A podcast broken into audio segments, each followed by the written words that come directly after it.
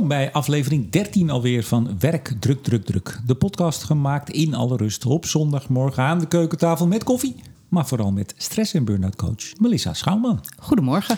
Goedemorgen, aflevering 13. Ik heb voor het eerst een uh, hele originele openingsvraag. Waar gaan we het over hebben? Oh, wat origineel inderdaad. Ja. We gaan het hebben over leiding geven in tijden van drukte en stress. En dan is mijn tweede vraag, e even origineel, waarom? Ja, waarom, waarom? Nou ja, leidinggeven, het komt vaker langs uh, in deze podcast. Uh, leidinggevenden hebben gewoon een cruciale rol als het gaat om uh, gezondheid op de werkvloer, welzijn mm -hmm. op de werkvloer. En uh, wat ook speelt, is dat die leidinggevenden ook de afgelopen uh, decennia eigenlijk een, een, een, heel andere rol hebben gekregen. Die rol is nogal van kleur verschoten. Ja. Dus dat maakt het interessant. En ja, je kunt je voorstellen dat die leidinggevenden ook zelf met hun eigen werkdruk te kampen hebben. Dus er zitten allerlei kanten aan dit, uh, aan genoeg, dit verhaal. Genoeg voor weer een aflevering van Werk, Druk, Druk, Druk. Maar voordat ja. we dat doen en voordat we het erover gaan hebben, jij schrijft elke maand een column in Binnenlands Bestuur. Afgelopen week weer een verschenen. Waar Ja. gaat die over? Die gaat over nee zeggen. En uh, nou, het raakt wel een beetje aan het onderwerp van vandaag. Het gaat uh, in die column niet zo specifiek over leidinggevende. Mhm. Mm -hmm. Maar uh, eigenlijk komt die rol van die leidinggevende toch ook wel weer langs. Want als het gaat om nee zeggen, dan uh, beschrijf ik eigenlijk in die column dat een individu daar best uh, uh, het makkelijk mee zou kunnen hebben. Althans, die heeft het moeilijk om de, de klik te maken naar eindelijk eens een keer nee zeggen. En als hij dat dan doet, dan valt het eigenlijk altijd reuze mee. Dan, mm -hmm. Daar hebben we het volgens mij vorige keer over gehad. Nou, het komt ervoor? vaker langs. Ja? Nee zeggen is natuurlijk voor een individu ook een belangrijk element om mm -hmm. te zorgen dat die werkdruk niet, ja, niet onder je huid gaat zitten. Ja. En veel mensen vinden dat moeilijk. Maar wat ik in die column ook beschrijf, is dat als die druk en die stress heel erg groot is in het hele systeem, dat dan het nee zeggen tegen het hele systeem eigenlijk, van jongens, we moeten minder, we moeten keuzes maken, eigenlijk een, een rol die leidinggevenden vaak uh, op zich nemen, dat is niet makkelijk. Mhm. Mm -hmm. En dan krijg je toch een beetje uh, scheve ogen, zelfs van je eigen mensen die je uh, probeert te beschermen tegen die grote werkdruk. Ja, de teneur is het is niet makkelijk. Het is niet makkelijk. Maar, nee. maar jouw kennende zit daar vast ook wel weer een, een positieve, adviserende, keukentafeltipachtige ja. houding in, of niet? Ja, ja, maar dan moeten de mensen de column maar even lezen. Nou, dat kunnen ze doen op uh, binnenlandsbestuur.nl. Ja. Hij wordt online gepubliceerd. Daar staan ook, neem ik aan, alle andere. Ja, er staan er best veel inmiddels. Oh. Kijk, dat wou ik net zeggen. Dus nou, uh, wie... Uh, Misschien kunnen ze het. Nee, als ze nou tijdens de podcast gaan lezen, nee, dat is niet goed. Nee, eerst even opletten wat er nu vandaag gezegd wordt. een beetje de strenge juf. Even opletten, klas. Um, nou, lees dus www.binnenlandsbestuur.nl alle columns van Melissa Schouwman. De rol van de leidinggevende, jawel. Uh, flink verschoten is die van kleur, zei ja. je net. Hoe was die rol vroeger? Nou, vroeger zag je toch vaak dat een leidinggevende... dat was uh, toch meestal de, de, de beste inhoudelijke man of vrouw... Uh, van uh, dat team of die organisatie. Die, die werden vaak de baas. en, en wat dat dan in de praktijk met zich meebracht... was dat die mannen en vrouwen ook heel sterk met de inhoud bezig bleven. En daaromheen dat leidinggeven eigenlijk een beetje gingen vormgeven. Van, nou ja, de, sommige dingen werden dan gedelegeerd, of uh, misschien uh, uiteindelijk wel veel dingen gedelegeerd. Maar die betrokkenheid en die bemoeienis met die inhoud, die was heel sterk aanwezig. Mijn vader bijvoorbeeld. Die was nou. ooit portier op de Nederlandse Bank. Uh, begonnen nog op de oude turfmarkt. Nou, dat zegt, zegt mensen niks meer. Uh, en die werd uiteindelijk uh, leidinggevende, werd de baas van de wacht. Dus de bewaking, beveiliging van de ja? Nederlandse Bank. Kreeg nog wel één chef boven zich. Die had de diploma's. Mijn vader was ah. gewoon, was vroeger, had een opleiding banketbakker gedaan in Friesland. Kwam naar Amsterdam, kwam uiteindelijk aan de Nederlandse Bank. Uh, maar was inderdaad iemand die alles van dat vak wist. En werd uiteindelijk baas. En uh, wat ik altijd begrepen heb, uh, kon hij goed leiding geven. Ja, ja. Maar dan zit er altijd ook wel een, een grensje aan natuurlijk. Hè? Ja, ja en, en het is ook helemaal niet gezegd dat die uh, manier van leiding geven... dat dat verkeerd is. Hè? Maar de, de, de tijden zijn veranderd.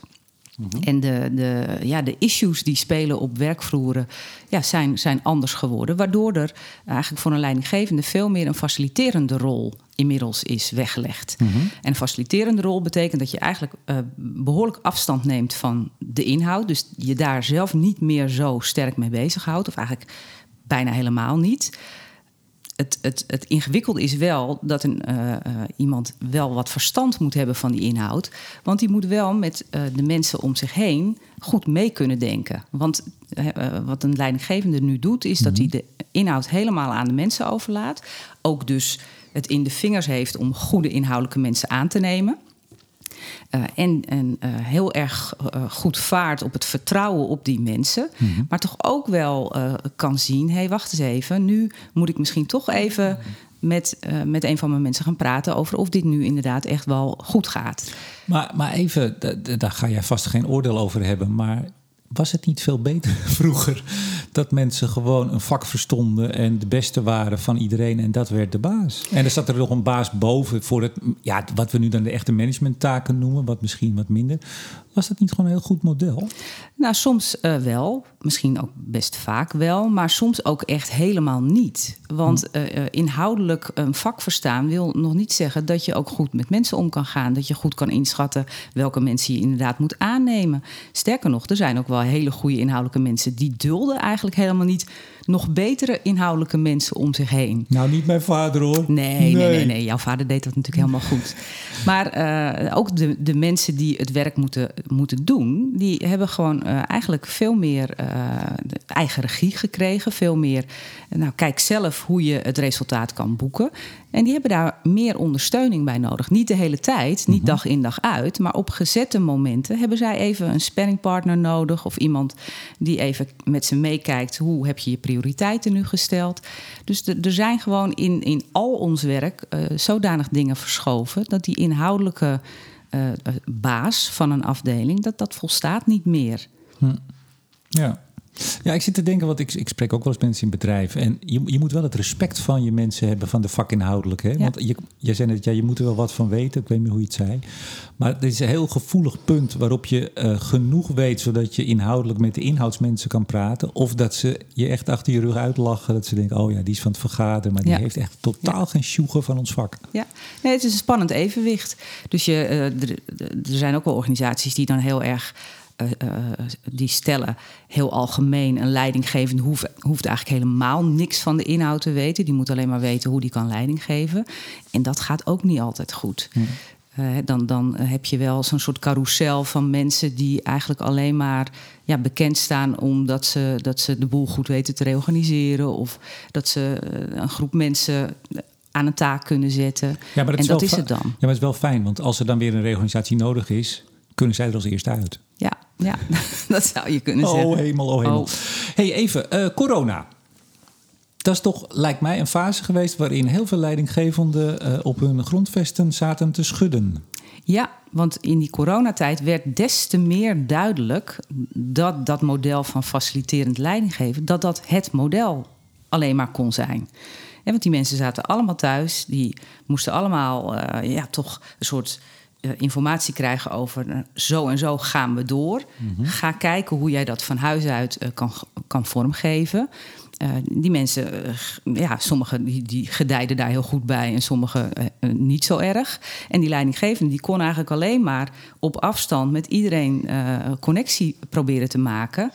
Uh, en, en kijken hoe kan ik deze mensen helpen om toch die, die, uh, die taak die erbij ze ligt zo goed mogelijk te volbrengen. Dat micromanagen wat ze misschien gewend waren te doen, hè, echt even uh, flink meekijken en op de vingers kijken, dat kon nu echt niet meer. Nou ja, je kon toch zeggen, zet de teams gewoon permanent open en hou de camera aan en kan ik, kan ik zien wat er gebeurt bij Misschien is dat ook wel eens gebeurd. Er zullen misschien leidinggevenden zijn geweest die dat als model hebben ingevoerd, maar ik weet niet of dat goed bevallen is. Nee. Hey, um, veel leidinggevenden die worstelen op dit moment, denk ik, met een aantal zaken. Uh, personeelstekort, hoog ziekteverzuim. Ja, dan moet je het toch allemaal voor elkaar zien te krijgen. Ja. Ja, en dat is ook wel waarom ik uh, uh, zelf ook wel eens een lans breek voor de werkdruk van leidinggevenden. We verwachten echt heel veel van deze mensen. Mm -hmm. Ten eerste dus die faciliterende rol. Bijna, bijna een beetje een coachende rol. Uh, of dat is het, dat is het ook. maar de vaardigheden van een coach worden gevraagd van moderne leidinggevenden. Dus dat je echt heel goed via vragen erachter komt. hoe zitten die mensen van mij in elkaar? Hoe zitten ze in deze, in deze taak en rol? Nou, verder ja, moeten ze natuurlijk ook de hele tijd in de gaten houden. Hoe kan ik die workload zo goed mogelijk verdelen? Mensen uh, vallen uit of, of, gaan minder werken omdat ze het echt even niet meer trekken. Mm -hmm. Ja, hoe verdeel je dan weer die workload? eh, keuzes maken. Eh, Dat kwam net eigenlijk al bij de, rondom die column eh, naar voren, bij dat nee zeggen. Ja, een leidinggevende zal in deze tijd vaker nee moeten zeggen tegen iets of iemand. En dan doe je het eigenlijk nooit voor iedereen goed. Mhm. Ja. Want eh, nou, ik heb zelfs verhalen gehoord van, van leidinggevenden die zeiden: Ja, ik, ik zeg nee tegen een deel van onze dienstverlening, omdat ik mijn mensen echt moet beschermen. En nu krijg ik eigenlijk die mensen een beetje op mijn nek. Nou, je baas. Sorry? De baas in je nek. Ook, maar eh, ook, Ook de, die ook de mensen. mensen die eh, beschermd komen in je nek. Want die zijn natuurlijk ook gewend om een bepaalde mate van dienstverlening te kunnen leveren. En die vinden het ook ingewikkeld om dan daarmee te dealen. Van nou, we doen gewoon op dit moment minder. Eh, ja, die moeten dat dan ook weer uitleggen aan, aan de mensen die bij hun aan de balie staan. Of, of hoe, hoe die dienstverlening dan ook precies in elkaar zit. Maar het is ingewikkeld. En ik, en ik hoor daar eh, best veel eh, leidinggevenden mee, mee worstelen. Ja, nou, ik heb het wel eens meer gezegd, maar ik ben best heel erg blij dat ik nooit op een bedrijf heb gewerkt. Geen baas heb en ook geen ondergeschikte. Dus, oh, ondergeschikte mag niet meer natuurlijk, hè? Nee, dat is Een wel een beetje een rare term, Baas en inderdaad. ondergeschikt. Ja, je ziet, ik, ik ben een beetje stil blijven staan. Nou, ik heb wel in mijn studietijd natuurlijk wel gewerkt, maar dat is al eh, heel lang geleden. Misschien waren toen nog de woorden baas en ondergeschikte. En toen waren er ook nog fabrieken met hele harde geluiden. Want ik kan me herinneren dat je daar ook wel eens wat over verteld Ik heb wel eens iets eh, gehad. Ja, toen ben ik meteen heb ik rechtsomkeers gemaakt toen ik eraan kwam via het uitzendbureau. Maar dit gaat voert veel, veel te ver. Veel Ja. te ver.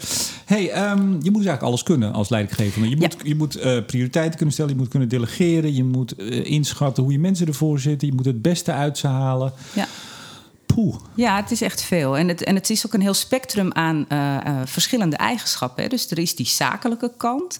Dingen goed inschatten. Kijken eh, wat, wat kunnen we wel doen en hoe kunnen we dat misschien nog slimmer doen. Hè? Dus echt ook een beetje procesoptimalisatie. Eh, Dat soort, dat soort eigenschappen moet je, moet je in je hebben. Maar ook die, die zachte kant van eh, wat, wat voor vlees heb ik in de kuip. En hoe, hoe kan ik het voor die mensen het beste maken, zodat er ook het beste uit ze komt. Ja, en, en dus voorkomen tot, tot de hoogste prijs dat ze uitvallen. Zeker op dit moment. Ja, ja want in, in dat kader komt eh leidinggeven natuurlijk ook best wel vaak langs in deze podcast. En bijvoorbeeld ook de, de podcast rondom reïntegratie. En wat er dan van een leidinggevende wordt verwacht. En dan heb je het ultiem over ja, die, die bijna psychologische eh, coachkant die ingezet moet worden. Ja, wat je eigenlijk wil is dat die leidinggevende voorkomt dat mensen uitvallen. Hoe doe je dat? Ja, dat betekent dat je echt heel goed moet weten eh, hoe zit eh, deze persoon in elkaar. Uh, wat zijn zijn sterktes, wat zijn de zwaktes. Maar ook ja, wat ligt er nu op het bord. Mm -hmm. En dan gaat het eigenlijk ook nog iets verder dan alleen maar wat er op het werkbord ligt. Want als iemand privé ingewikkelde dingen heeft. Uh, in scheiding is of uh, mantelzorger voor uh, bejaarde ouders of wat dan ook. Dat... Bejaarden zeggen we niet meer, hè? Kijk uit. Kijk, zie je? Jij oh, hoe zeggen we dat dan? En, nou, niet meer bejaard. Ja, jij weet zelf ook het woord niet. ik kan er niet op komen. Niet. Sorry, ik onderbrak je. Ga door. Nou, het gaat er dus om dat een, een leidinggevende een goed beeld heeft van wat er allemaal speelt bij mm -hmm medewerkers en ook bij de verschillende medewerkers. En daar dan uh, keuzes uh, mee bepaalt. Ja. En daar, op basis daarvan ook kijkt, ja, dat hele werkpakket wat wij als team uh, te doen hebben, redden we dat wel? Wat, wat kan er eventueel van af? Of wat kunnen we misschien nog slimmer doen? Mm -hmm. Dus het zijn echt enorme inschattingen die, die iemand dan moet maken. Nou ja, iedereen die deze podcast ooit gehoord heeft, die weet dat we in het laatste deel, of we, jij vooral, het hebt over ja, hoe dan? Ja. Je hebt natuurlijk al een paar dingen gezegd nu, maar echt het, even, het, het, concrete. Ik zou bijna zeggen, uh, keukentafeltips extraordinair. Gaan we het zo over hebben. Maar er is nog zeker een actualiteitje, nou. zeg ik maar netjes, die nogal raakt aan jouw uh, vak. Ja. Uh, en waar jij volgens mij met uh, uh, stijgende verbazing naar hebt zitten kijken. Wat is dat? Ja. ja, ons aller Tweede Kamer. En wat daar allemaal niet aan de hand is. Oh, hemel. Ja, komt natuurlijk vaker langs Tweede Kamer, Tweede Kamerleden die door stress en burn-out uitvallen. Dat, dat uh, noemen we wel vaker hier. Mm -hmm. Maar dit gaat uh, over de Tweede Kamer als organisatie, als, als werkgever, als werkbedrijf. Mm -hmm. Ja, en, en rondom het onderzoek naar het functioneren van Khadija Ariep, of het, ja, eigenlijk het grensoverschrijdende gedrag wat zij uh, zou hebben vertoond. Ja, daar is nu zo'n rel ontstaan dat uh, eigenlijk de werkorganisatie Tweede Kamer helemaal het mikpunt van politiek venijn is geworden. Mm -hmm. En, en, is opgestapt, althans de, de griffier en ik geloof hoofd uh, HR. Deel van het managementteam, maar wel een flink deel. dus volgens mij zit er nog maar een enkeling. Mhm. En uh, ja, eigenlijk echt als protest tegen. Het kan niet zo zijn dat onze, onze organisatie, ons, onze werkorganisatie, zo'n speelbal wordt van dat politieke venijn. Dat, ja, ja, wel dus. Ja, dat zijn ze geworden. Maar daar zeggen zij eigenlijk ja, tot hier en niet verder. Dat kan gewoon niet. Het is onveilig. Het is Ja. een onveilig klimaat geworden. Ja, en ik moet eerlijk zeggen dat ik het ook wel zo voel. Ik denk, ja, die mensen hebben gelijk dat ze, dat ze onder deze voorwaarden niet door kunnen. Maar je ziet hier wel echt een kentering. eh, en en eh, ja, we zitten wat dat betreft denk ik in een spiraal naar beneden. Dat ook politieke partijen dus eh, ja, die, die ambtenaren voor de leeuwen gooien. Ik geloof Ja. wel dat ze nu spijt hebben, partijen, sommigen. Ja, ja ze, vinden het wel heel erg. Ja, dat is altijd achteraf. Maar het is al een tijdje, ook rondom de toeslagenaffaire... eh, heb ik daar ook wel eens in columns wat over geschreven. De, de eh, ja, psychologische veiligheid, eigenlijk echt een, een nog crucialer onderdeel... van een goede werkzetting dan de leidinggevende. Maar die leidinggevende die moet mede zorg dragen voor een eh, psychologisch veilige omgeving. Maar dat is zo cruciaal. Als dat er niet is, ja, dan, dan ben je dus de hele tijd op je hoede. Wat kan er hier gebeuren? Wanneer word ik onderuit gehaald? Hoe word ik onderuit gehaald? En dat is gewoon de Tweede Kamer nu all over the place. Ja, want je zag ook toen in volgens mij Kamervragen, eh, en dat is allemaal openbaar uiteraard, eh, dat, dat er ook echt eigenlijk, dit zijn mijn woorden hoor, jacht wordt gemaakt op de ambtenaren. hè? Namen Ja, en rugnummers. eh, Hè? We willen namen en rugnummers. We willen deze mensen, we willen weten wie het zijn. En, en, nou, we, we willen daar iets mee. Maar Ja, het is echt bizar, want we hebben gewoon een ministeriële verantwoordelijkheid. Dus wat Ja. een ambtenaar ook zegt of doet, dat, dan mag je de minister op aanspreken of de Ja. staatssecretaris, maar niet de ambtenaren. En die grens, en ik ga ook maar geen namen noemen hier, maar die grens zijn een aantal populaire Kamerleden.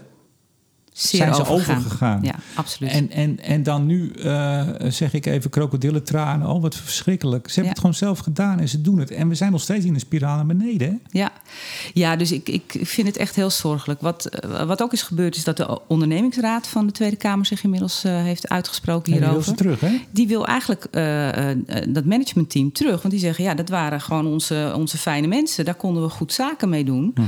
En, en zij zorgde voor in ieder geval nog een veilig genoegen omgeving in, in die rare constellatie waar een Tweede Kamerorganisatie natuurlijk sowieso eh, in opereert.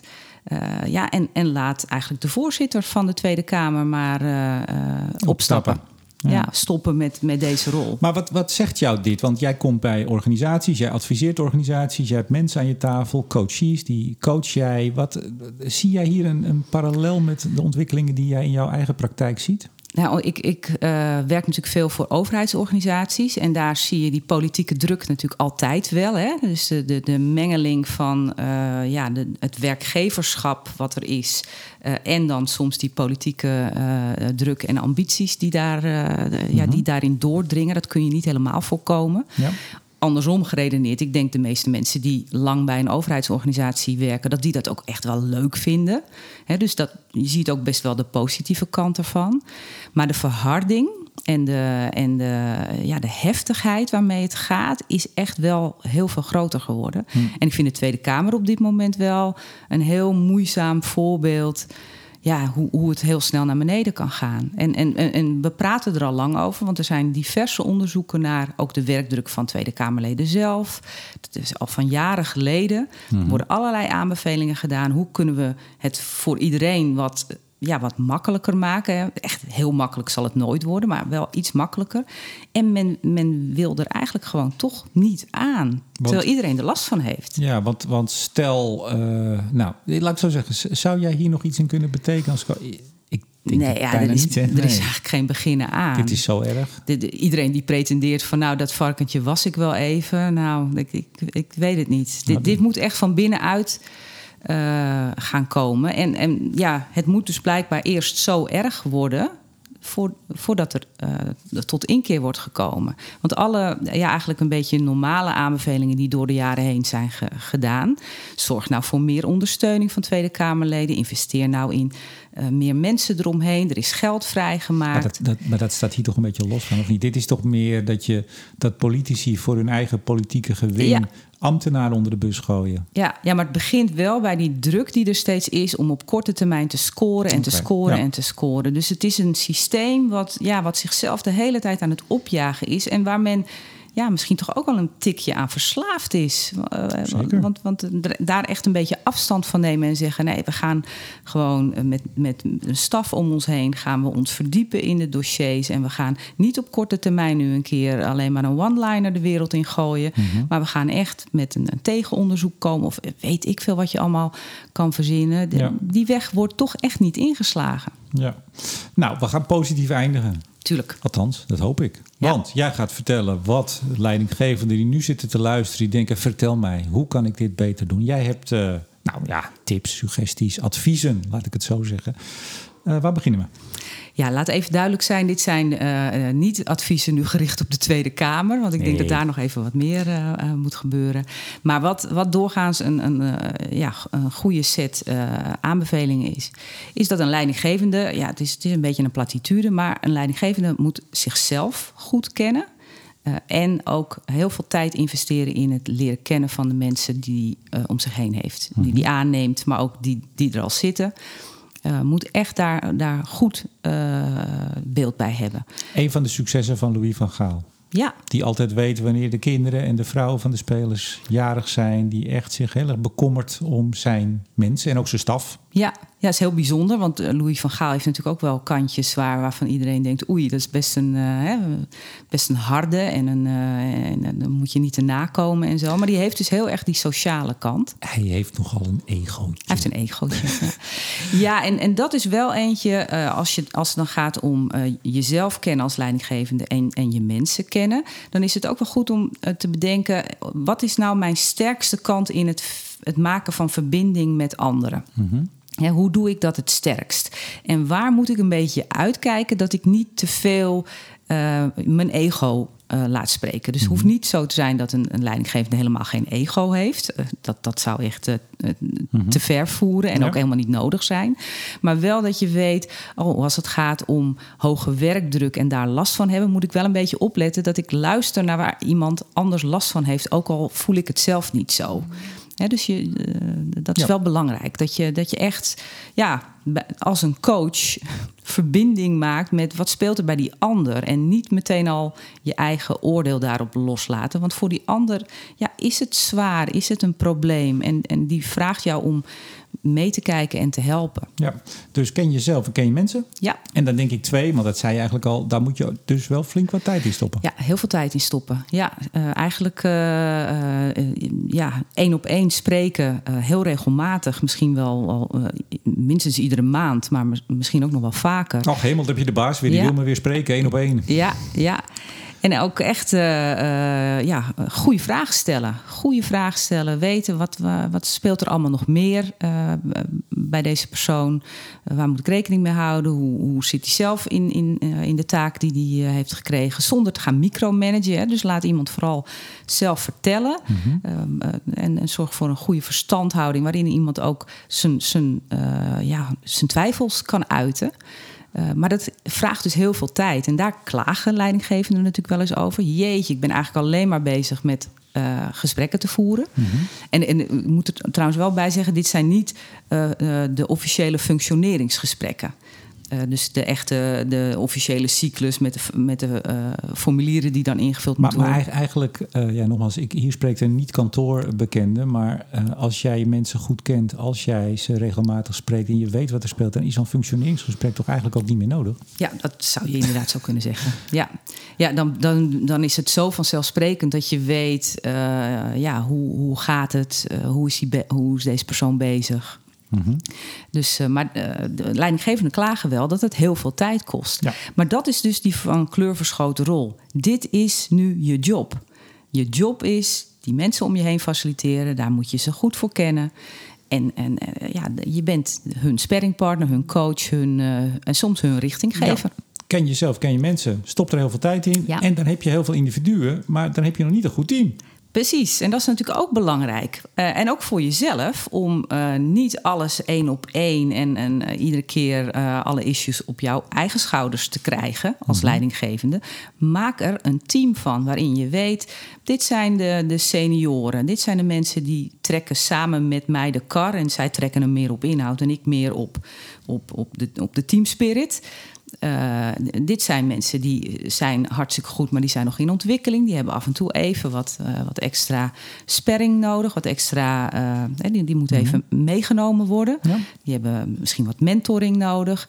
Dit zijn onze nieuwe mensen, die moeten goed ingewerkt worden. Maak er een team van. en dat, heel veel leidinggevenden zullen zeggen: ja hallo, dat, daar ben ik de hele tijd mee bezig, maar dat is best wel ingewikkeld. Dat is natuurlijk ook ingewikkeld. Maar op het moment dat die individuele vertrouwensbasis er is, is de kans ook groter dat dat team ook uh, gemakkelijker draait. Want je hebt dan een soort basis met elkaar waarin je ook dingen ja, in, in de werkoverleggen durft uit te spreken. Heel goed.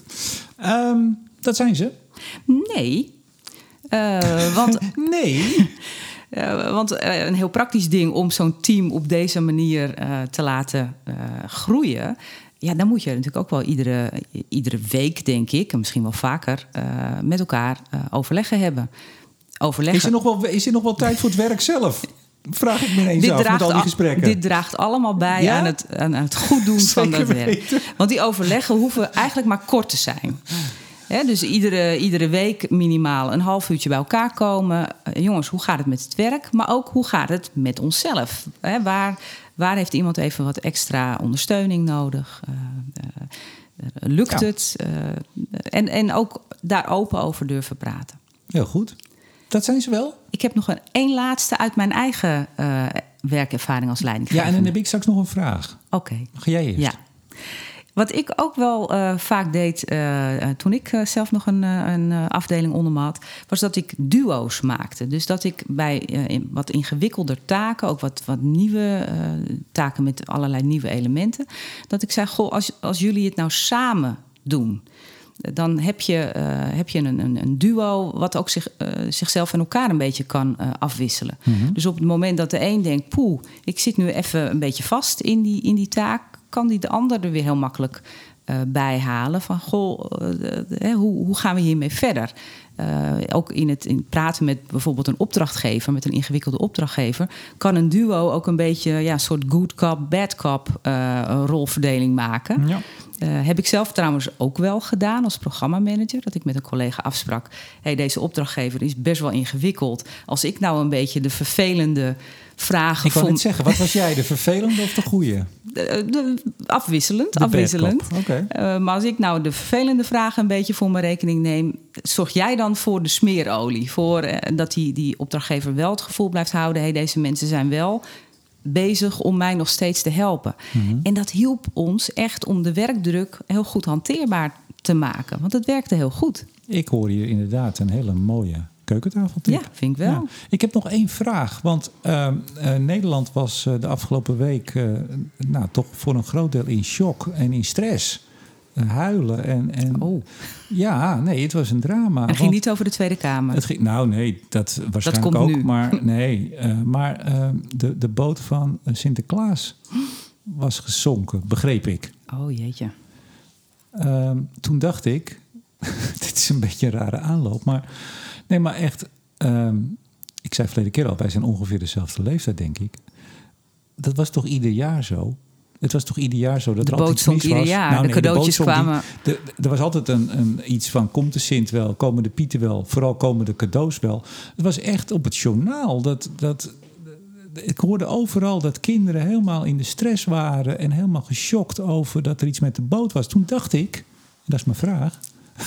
Heb je een vraag? Ja, ik heb een vraag. vraag. Zijn wij veel gevoeliger geworden als mens voor tegenslag, voor stress, voor. Of, eh, dit is misschien een hele slechte vraag, dat zou, zou best kunnen.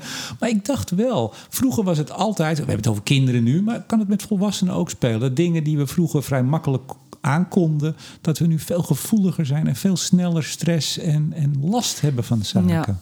Ja, ik, ik heb er niet een heel uh, wetenschappelijk verantwoord uh, antwoord op. Je mag ook gewoon zeggen, dit was een hele slechte vraag, Remke. Nee, maar ik voel wel met je mee. Uh, en en het, het, uh, voor, voor een deel uh, is het ook wel bijvoorbeeld jongeren die veel mentale problemen hebben. Daar is ook natuurlijk veel aandacht voor. Het hebben van die aandacht ervoor maakt soms al dat dingen ja, dat, dat, dat, dat het scherper wordt. Hè? Dus mensen -hmm. herkennen het bij elkaar, ook sneller, doordat er zoveel aandacht voor is. Dus de, aan de ene kant is dat mooi, dat, er, dat, we, uh, dat we niet schromen om het over dit soort onderwerpen te hebben. Maar het uh, uh, geeft ook wel wat, wat extra tractie. Alles wat aandacht krijgt, groeit. Ja, ja, en dat is een mooie zin uit de mindfulness. Maar dat is ook uh, soms in, uh, in negatieve gevallen ja. uh, de, de, gebeurt dat. En ik denk dat media en sociale media als onze, ja, onze samenlevingsklankkast... daar ook nog een keer extra een schepje bovenop doet... Uh, dus de, de, het focus ligt erg op, oh jee, hier is iets, iets ingewikkelds aan de gang, hier is ongemak, hier is iets, ja, dat, dat kan wel eens mentaal iets of iemand raken. en dat wordt vrij sterk uitvergroot. Dus de, ja, de kern van problemen is er wel. Hè? Dus we, we hebben een. Die boot is gezonken. Ja, en we hebben een te drukke, te gestreste maatschappij met elkaar uh, uh, uh, gemaakt. dus dat, dat neem ik hier niet mee weg. Maar het ermee omgaan is ook wel een, een belangrijk iets. Nou, en met dat leerpunt zou ik zeggen, sluiten wij af. als luisteraars opmerkingen hebben, vragen. Ik ben zo benieuwd, hoe zouden ze dan met jou in contact kunnen komen? Ja, nou, er komt wel eens iemand op de lijn hoor. Die stuurt dan een mail naar info.melissaschouwman.nl Schouwman zonder W met O-U, S-C-H-O-U. M-A-N dus. Ja, precies. Nou, uh, dat is helder. Ze kunnen luisteren. Nou, dat doen ze nu al op dit moment. Maar dat kan via alle bekende platforms. Ik zeg tot zover.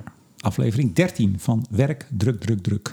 Graag tot de volgende keer. Tot de volgende keer. Mag ik jou op een, uh, een kopje filterkoffie trakteren? Oh jee, lekker ouderwets.